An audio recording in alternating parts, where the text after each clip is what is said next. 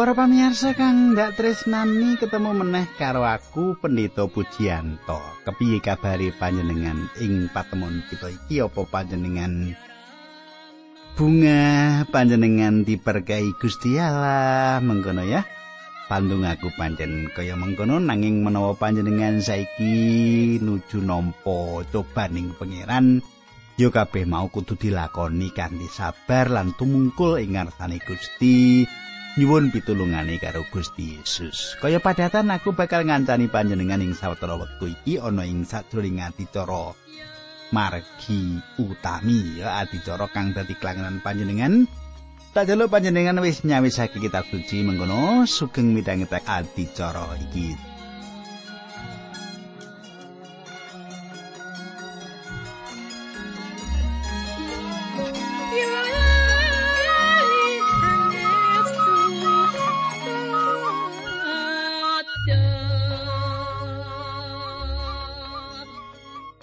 Kadangku ing patemon kita kepungkur kita wis nyemak. Kepiye Gusti Yesus ditampani lan disupyo-supyo ing Yerusalem? Sebanjuri kepiye teruse kita bakal nyemak ing patemon kita iki nanging sadurunge kuwi kita perlu ndedonga dhisik. Duh Kanjeng Rama ingkang ada dampar wonten kraton ing kasuwargan, Ingkang kawula sambat sebuti wonten ing asmanipun Gusti Yesus Kristus wonten ing kalodhangan menika kawula badhe nyemak pangandikan paduka. Sinau pangandikan paduka panyuwun kula dumateng paduka paduka jebati kawula kanthi roh suci paduka. Langkung saking menika do Gusti kawula nyuwun supados paduka mbikak manah kawula supados kaisenan dawuh pangandikanipun Gusti Dinambaran asmanipun Gusti Yesus Kristus kawula netunggal haleluya amin.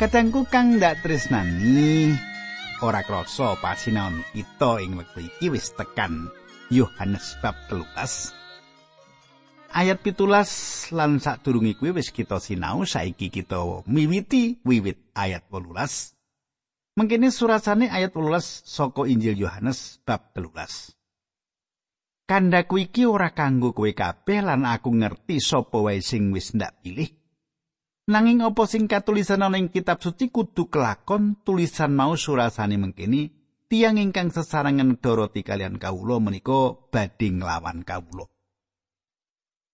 Katangku Gusti Yesus banget dening ngati-ati ing sadroning maringi keterangan yen panjenengane ora ngandikan kegayutan karo para murid kabeh. Pangandikan mau ora katujake marang murid kabeh. Lagi wae panjenengane ngendikan para murid bakal bejo menawa para murid nindakake wisuh winisuan. Nanging ana wong siji kang ora resik ing antarané para murid iku. Gusti Yesus wis ngendika yen aku sing dadi Gusti lan gurumu. Gusti Yesus wis ngendika aku sing dadi Gusti lan gurumu. Guru iku tukang mulang lan dadi wong kang dipercaya dadi jejering Gusti wis sak mesine menawa kudu ditaati. Iman lan pambangun turut kudu mlaku bebarengan. Iman kang nyelametake kang urip bakal nuntun kita marang pambangun turut utawa ing basa Indonesia ketaatan. Yudas ora duwe iman mengkene iki. Katanggu Gusti Yesus metik saka Jabur 41 ayat 10. Dalah mitra ingkang kawula pitados ingkang tumut nedha sekul kawula sampun ngungkuraken kawula. Panjenengane ngarahake pangandikan kuwi marang Yudas. Apa kang dingendikake iki ora gegayutan karo wong kang kelangan urip kasukmani utawa rohani. Apa kang dingendikake kuwi luwih meratelake gegayutan karo kasunyatan yen Yudas kuwi ora tau duwe urip secara kasukman. Yo mungkin iki gambaran Yudas Iskariot. Nanging Yudas ana ing loteng dhuwur kono lan sikile uga diwisuwi. dheweke ngalami winisuan saka pangandikane Allah nanging dheweke nampik. Ayo panjenengan ndak derekake nyemak perangan iki kanthi luwih cetha. Rai Gusti Yesus saka pamirsane Allah kegayutan karo pangorbanan kang ditindakake panjenengane. Raiku kanggo ngilangake dosa kita. Raiku mbatalake kabeh kaluputanku. Raiku kang agawe aku nampa keparengi Gusti Allah awit wis disirnakake kabeh panraku. Raiku kang ngilangi paukuman. kosok baline bab winisuan karo banyu yaiku saka pandelenge manungsa saka wawasan iki ya ana kene katemokake panyucene wawatekan kita utawa panyucene moral kita. Sawise kita nampani dadi keparengi Allah atas landesan rah Gusti Yesus Kristus banyu. Saka pangandikan iku paring panyucene wawatekan ing sadroning urip kita sadina-dina. Ketenggu ayat 19. Kowe saiki padha ndakweni weruh sadurunge perkara kuwi kelakon supaya yen mengko kelakon kowe padha percaya yen aku iki panjenengane kang disebut aku iki panjenengane kang ana.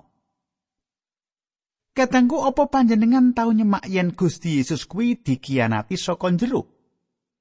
Lelakon kang padha isih dumati nganti dina iki katangku. Wong akeh padha sambat dosa kang ana ing jaban gereja. Nanging perkara kuwi ora bakal natoni gereja, malah sawetara wong kang dosa ana kang dislametake. Perkara kuwi wiwit katon nalika Gusti Yesus Kristus dikianati saka jero.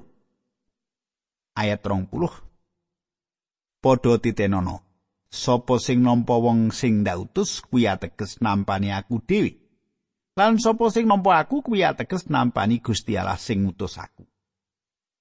Katangku Gusti Yesus nambahake perkara kuwi awit Judas wis diutus ing sajroning pelayanan bebarengan karo para murid liyane.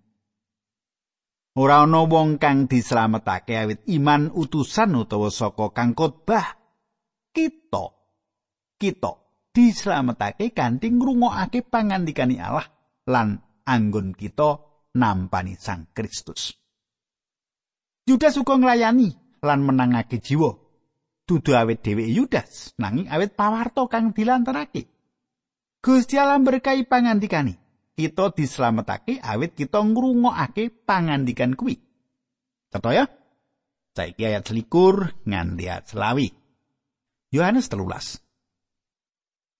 Sawise ngendika mengkono Gusti Yesus penggalihe ternyuh banget nuli panjenengane ngendika blablaan Kowe ndak kandhani sing sak temene panunggalanmu salah siji bakal ngulungake aku. Para sekabat padha bingung sarta padha pandeng-pandengan merga padha ora ngerti sapa sing dikerstakake. Sekabat sing dikasih dening Gusti Yesus linggih ana sisihe. Disasmitani dening Simon Petrus supaya nyuwun pirsa sapa sing dikerstakake mau. Sekabat mau nuli nyedhaki Gusti Yesus lan nyuwun pirsa, sinten tiyangipun menika Gusti? Katengku kang datresnani menawa panjenengan duwe panemu yen Gusti Yesus ora kapengaruh karo patra Yudas kang bakal nyianati panjenengane, kuwi kliru. Kliru. Panjenengane rumangsa ternyuh. Para murid banget dening giris. Panjenengan bisa mbayangake kaya ngapa kagete wong-wong kang ana ing kamaran kuwi ing wektu iku. Yudas banget dening wasis. Kanthi mengkono ora ana wong siji wae kang ngira yen dheweke kuwi wong kang dadi tukang kianat. Saben wong kang ana kamaran dhuwur kuwi sawang sinawang pandeng-pandengan antarane siji lan sijine lan padha kuwatir jojo sing dingendikake Gusti kuwi awake dhewe. Kabeh para murid ngerti yen awake dhewe uga bisa wae nindakake kaya kang dingendikake Gusti dadi wong kang kianat. Panjenengan yo iso. Ayat 16 pangandikane Gusti Yesus, aku arep nyelupake roti ana ing mangkok. Wong sing nuli ndak ulungi roti mau ya kuwi wongi. Gusti Yesus nuli mundut roti setuwil banjur dicelupake ana ing mangkok sawise kuwi roti mau banjur diulungake marang Yudas anake Simon Iskariot.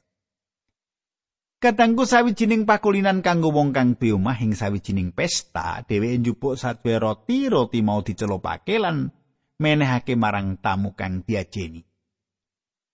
Yudas didadekake tamu kang kinajinan kanthi nindakake perkara iku. Yudas ana ing simpanging dalan. Sang Kristus terus mbukakake lawang pamratobat marang Yudas nganti wektu kang pungkasan. Malah ing taman Getsemani Gusti Yesus ngendika, "He kanca iku to perlu mu teka." Gusti Yesus isih mbukak lawang pamratobat kanggo Yudas.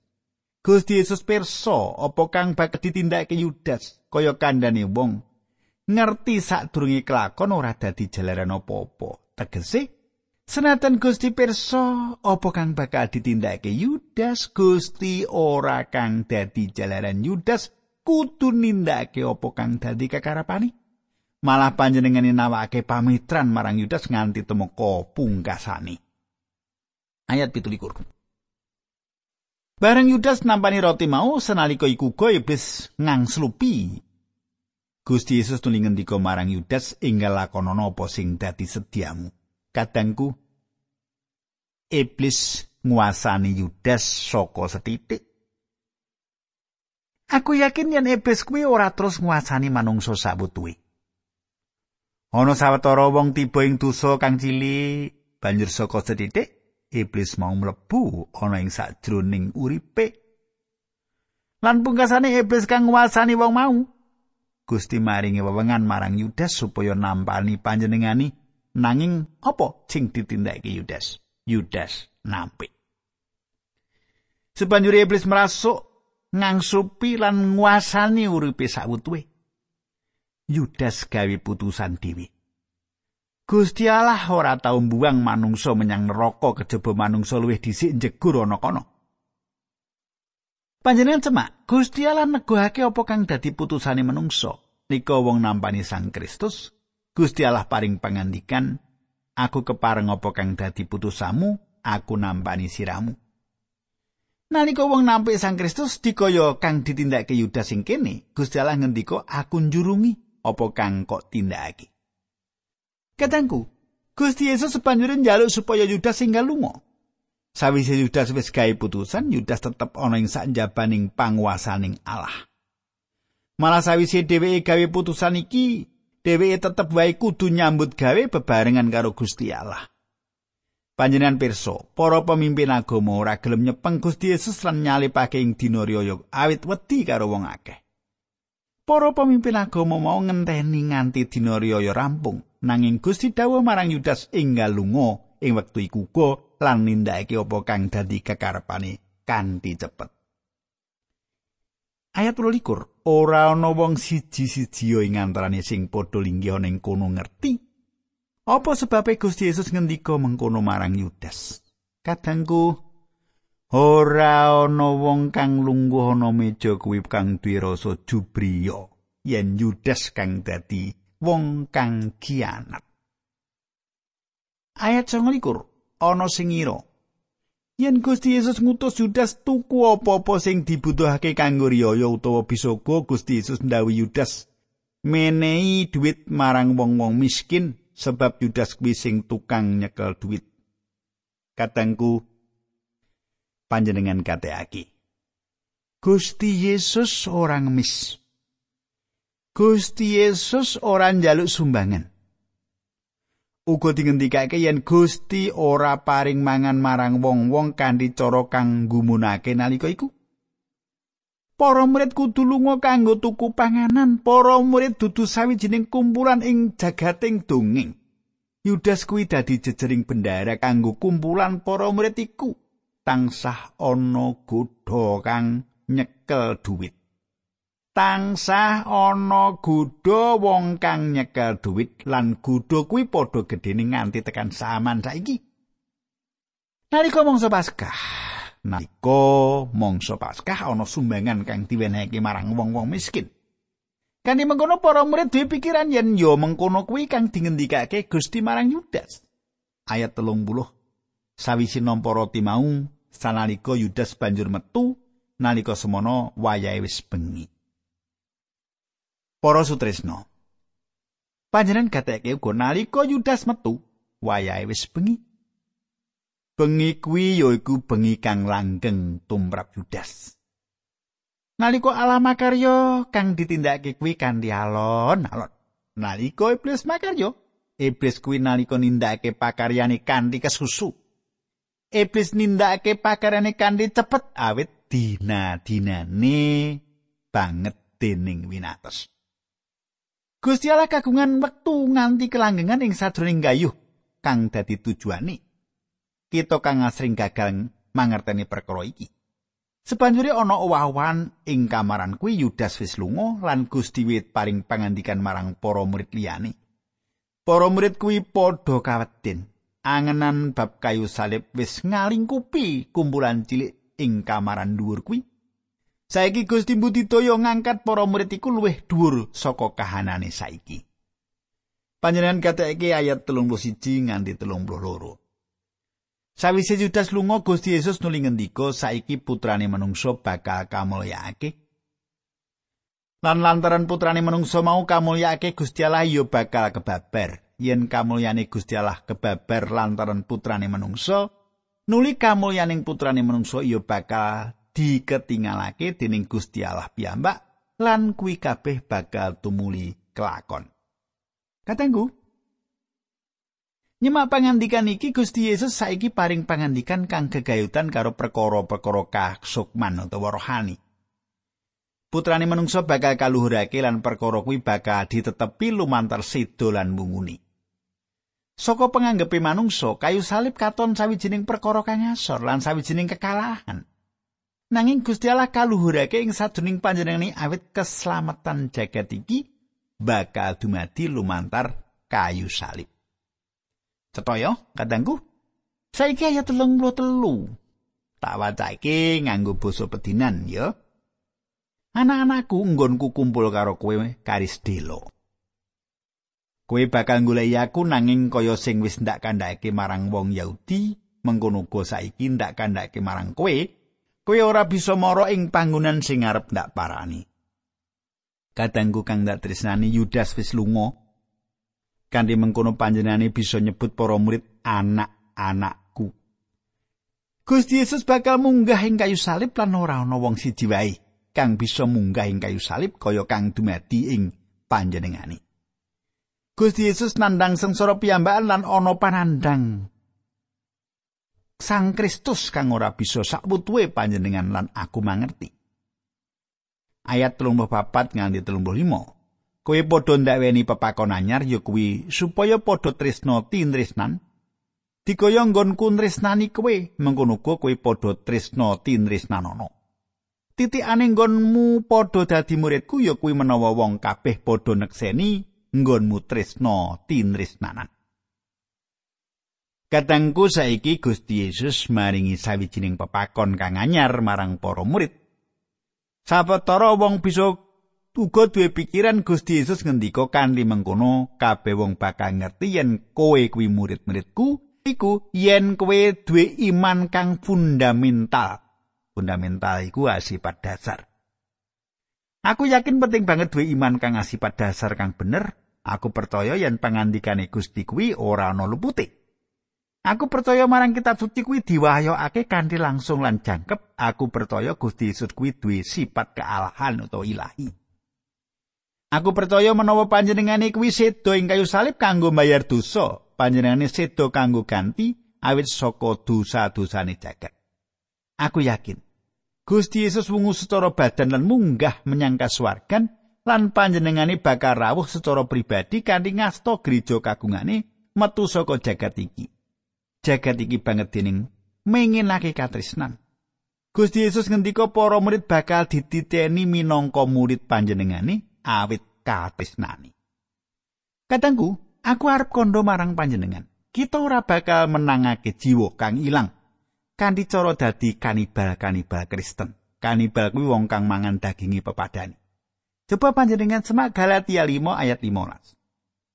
Nanging yen kue padha kerah kaya kewan dieling mesti bakal tumpes kabeh. Wong Kristen jinis kang kaya mengkini iki kang ngedohake wong-wong jagat karo gereja. Ya iki sebabe wong-wong jagat kuwi ora gelem ngrungokake kabar kabungahan. Wong-wong jagat kuwi luwih seneng ngrungokake pitenah, malah sadurunge wong-wong mau ngrungokake kabar kabungahan. Apa panjenengan mengerti parintah kang penting dhewe kanggo wong Kristen dudu kok atur paseksi? utawa ngladosi nanging supaya tresnani wong-wong percaya liyane kadangku Bapa gereja kang jenenge Tertullianus nulis yen nalika semono pemerintah Rom banget dening kaganggu dening gereja kang kawitan. Awit wong Kristen kuwi ora gelem ngobong menyan ana ing ngarepe reca kaisar, pemerintahan Rom nganggep yen wong-wong Kristen kuwi ora setya marang pemerintah. Telik sandi diutus ing sadurunging pakumpulan Kristen, menawa telik sandi mau diutus dening pemerintah kang ora percaya karo Gusti utawa ateis, apa kang digatekake? Apa telik sandi mau bakal nglaporake yen wong-wong Kristen kuwi tresno tindresnanan antarané siji lan siji ne? ora bakal ya. Ayat 36 nganti 38. Simon Petrus matur marang Gusti Yesus, "Gusti badhe tindak dateng pundi?" Pangandikane Gusti Yesus, aku lunga menyang panggonan sing kowe ora bisa marani mrono, nanging besok kowe bakal melu aku. Pitakone Petrus, "Guru, kenging menapa kula mboten saged nderek panjenengan? Kula wantun pejah kagem panjenengan." Pangandikane Gusti Yesus, "Temenan? Kowe wani mati temenan kanggo aku? Rungokno sing becik mengko sadurunge jago kluruk. Kowe bakal ngaku yen kowe ora wanuh karo aku nganti ambal ping telu." Kadangku aku yakin menawa panjenengan iku putrane Allah, panjenengan ora bakal ngedol Gusti Yesus dikaya kang ditindakake Yudas. Iblis ora bisa ngendhaleni panjenengane awit Sang Roh Allah. Manunggal ing sajroning uripe panjenengane. Nanging ora ana siji wae ing antarané kita kang bisa nindakake kaya kang ditindakake Petrus. Masalahe dudu awit iblis ana ing sajroning atine nanging awit kita iku ngendelake kekuatan dagingi dewi. Aku yakin kanan kaya mengkene iki dadi masalah kita kabeh. Petrus tenan-tenan tresnani Gusti. Petrus siap mbelani Gusti nanging Gusti nganggep Petrus kaya bocah cilik. Petrus tansah nindakake keluputan. Aku yakin Petrus lagi nggayuh kadewasan sora rasa pangrasa lan kasukman ing dina Pentakosta. Kang dirungu ing wektu kuwi siji-sijine yaiku ana dene Gusti Yesus iku bakal tindak. Pitakone Petrus kang kawitan yaiku Gusti badhe tindak pundi panjenengan. Lan pitakon kang kapindo, Guru, keng menapa kula mboten saged nderek panjenengan semangke? Ing basa standar ditambahi semang. Katangku nalika Gusti Yesus paling wangsulan siji-sijine kang banget dieling-eling Petrus yaiku samangke. Katresnan lan kasetyane Petrus tulus. dheweke kepengin nderek Gusti menyang ngendi wae Gusti Yesus tindak. Nalika Gusti Yesus ngendika, "Kula badhe ngaturake nyawa kula kunjuk panjenengan," Petrus tenan-tenan duwe kekarepan masrahake nyawani. Dheweke mbudidaya perang kanggo Gustine lan nalika semono nganti medang kupingi abdine Imam Agung lan kupingi abdi mau nganti perung. Kang dadi sebab dheweke nggunakake pedhang nganti merung kuping yaiku dheweke iku sawijining tukang amek iwak lan dudu ahli pedhang. Nalika Gusti Yesus ngendika marang Petrus mungguh dheweke bakal nolak Gusti Yesus nganti kaping telu sadurunge jago kluruk dheweke babar pisan ora percaya yen dheweke bakal nyelaki Gustine sadurunge bang-bang wetan. Kadangku sawijining mulangan kang ngaji kanggo kita. Petrus kebangetan nanggone yakin marang awake dhewe. kita kudu sinau yen kita aja nganti ngendelake kekuatan daging kita. Paulus nulis nalika aku ringkih mula aku kuat.